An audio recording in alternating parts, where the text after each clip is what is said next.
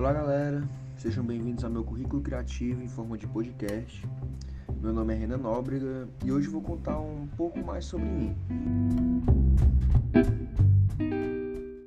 Meu nome é Renan Nóbrega Machado, mas meus amigos me chamam de Renanzinho. Mas vocês podem ficar à vontade. Tenho 20 anos, sou uma pessoa muito curiosa e empolgada, principalmente quando faço o que gosto. Atualmente estou cursando o quinto semestre da faculdade. Sou um, uma pessoa apaixonada pela otorrinolaringologia, que é uma das especialidades que cogito desde antes mesmo de entrar para a Unifor.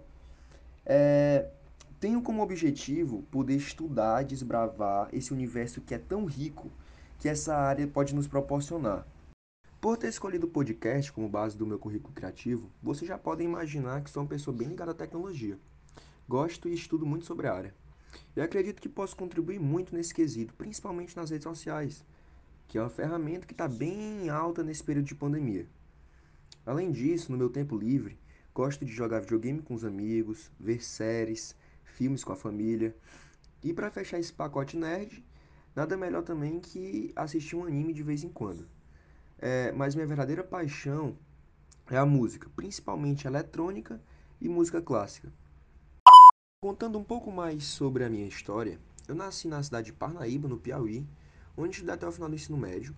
Entretanto, após muitos anos estudando para realizar o meu sonho de criança, que sempre foi ser médico, não consegui passar na faculdade, no terceiro ano.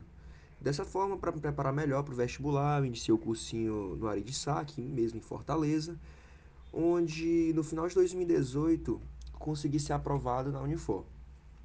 Agora na faculdade, fiquei ainda mais apaixonado pela área da medicina e sonho em exercer a profissão com muito amor e dedicação no futuro.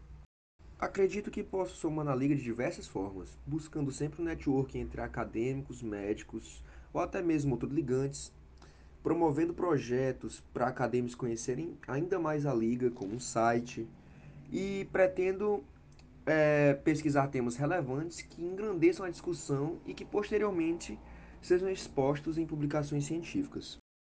Para finalizar esse currículo, fiz uma playlist que me define para que vocês possam me conhecer melhor pela música.